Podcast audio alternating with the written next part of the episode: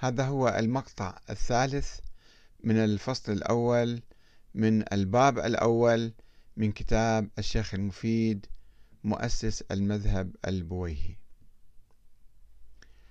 السبئية أصحاب عبد الله بن سبأ. يقول آه، المؤرخ الشيعي الإمامي سعد بن عبد الله الأشعري القمي آه، نقلا عن جماعة من أهل العلم من أصحاب علي عليه السلام.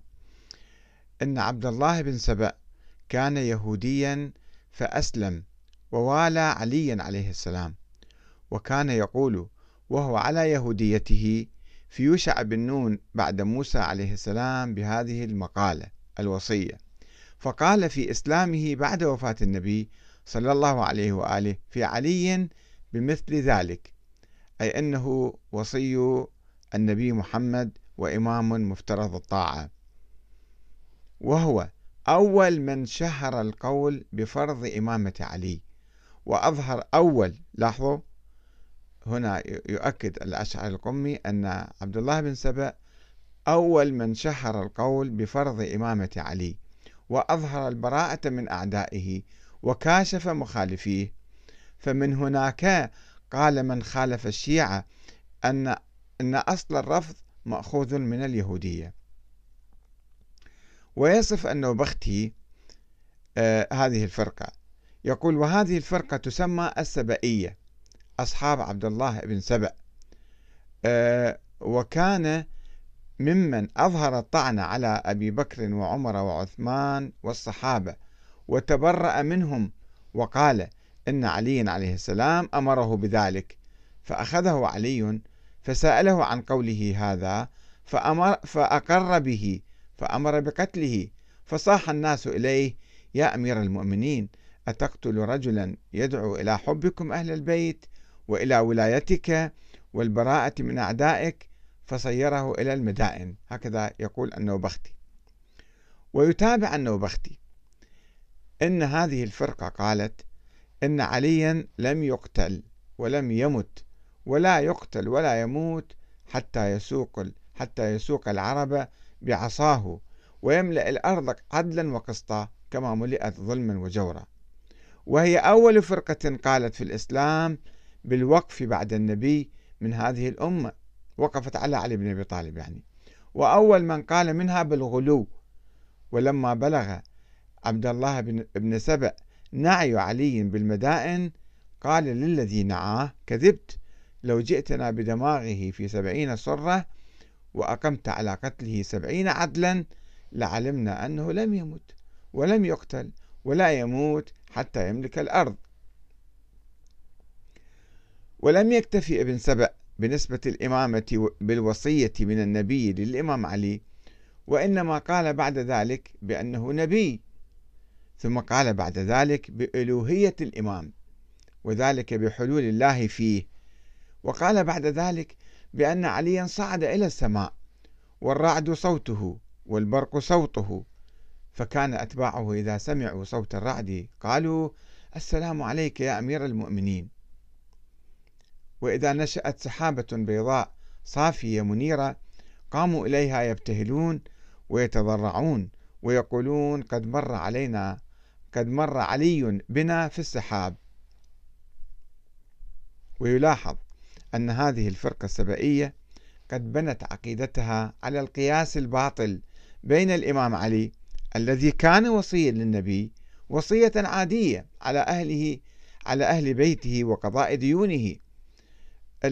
القياس بين الإمام علي والنبي يوشع الذي كان وصيا للنبي موسى على بني إسرائيل وكان نبيا. وإنها اتسمت بالغلو إلى حد نسبة الألوهية للإمام علي. واتسمت أيضا بالعنف ضد الشيخين والصحابة والطعن بهم كما اتسمت باعتماد المنهج الباطني في رفض الاعتراف بوفاة الإمام علي والإصرار على غيبته ومهدويته وعودته في المستقبل. وفيما عدا هذه الفرقة السبئية التي ابتدعت القول بالنص والوصية في الإمامة. فإن عامة الشيعة قاموا باختيار الإمام الحسن خلفا لأبيه وعندما تنازل عن الخلافة إلى معاوية بايعوا الأخير واندمجوا في جيشه وشيعته وذابوا بجماعة المسلمين. ما عدا شرذمة شرذمة طعنوا فيه وخالفوه ولما انتهى إلى آه، مخيم صاباط وثب عليه رجل من هناك يقال له الجراح بن سنان فأخذ بلجام دابته ثم قال الله أكبر أشركت كما أشرك أبوك من قبل وطعنه بمغول في أصل فخذه. ورغم ذوبان عامة الشيعة بالجماعة إلا أن النوبختي يقول إن سائر أصحاب الحسن بقوا على إمامته إلى أن قتل. وأن هؤلاء نزلوا إلى القول بإمامة أخيه الحسين. فلما قتل الحسين حارت فرقة منهم فشكوا لذلك في إمامتهما ورجعوا فدخلوا في مقالة العوام يعني عامة الناس. إن التاريخ الشيعي الذي يكتبه النوبختي والأشعر القمي وغيرهما لا يشير إلى وجود نص واضح وصريح ومعروف من الحسين لابنه زين العابدين بالإمامة. فقد قتل الحسين في كربلاء دون أن يوصي إليه حسب ما يقول الباقر والصادق لأنه كان مبطونا لا يرون إلا أنه لما به. ولا يشير التاريخ الشيعي إلى أي دور سياسي لعلي بن الحسين زين العابدين أو دعوة لاتباعه كإمام معين من قبل الله وإنما إلى تفضيله العزلة كما يقول الشيخ محمد بن علي بن بابويه الصدوق فإنه انقبض عن الناس فلم يلقى أحدا ولا كان يلقاه إلا خواص أصحابه وكان في نهاية العبادة ولم يخرج عنه من العلم إلا يسيرا. ولكن المؤرخين الإماميين النوبختي والأشعر القمي يتحدثان مع ذلك وكأن الشيعة قد افترقوا إلى فرق عديدة ويلقيان الكلام على عواهنه ويدعيان نزول فرقة من الشيعة العلوية بعد استشهاد الإمام الحسين إلى القول بإمامة علي بن الحسين.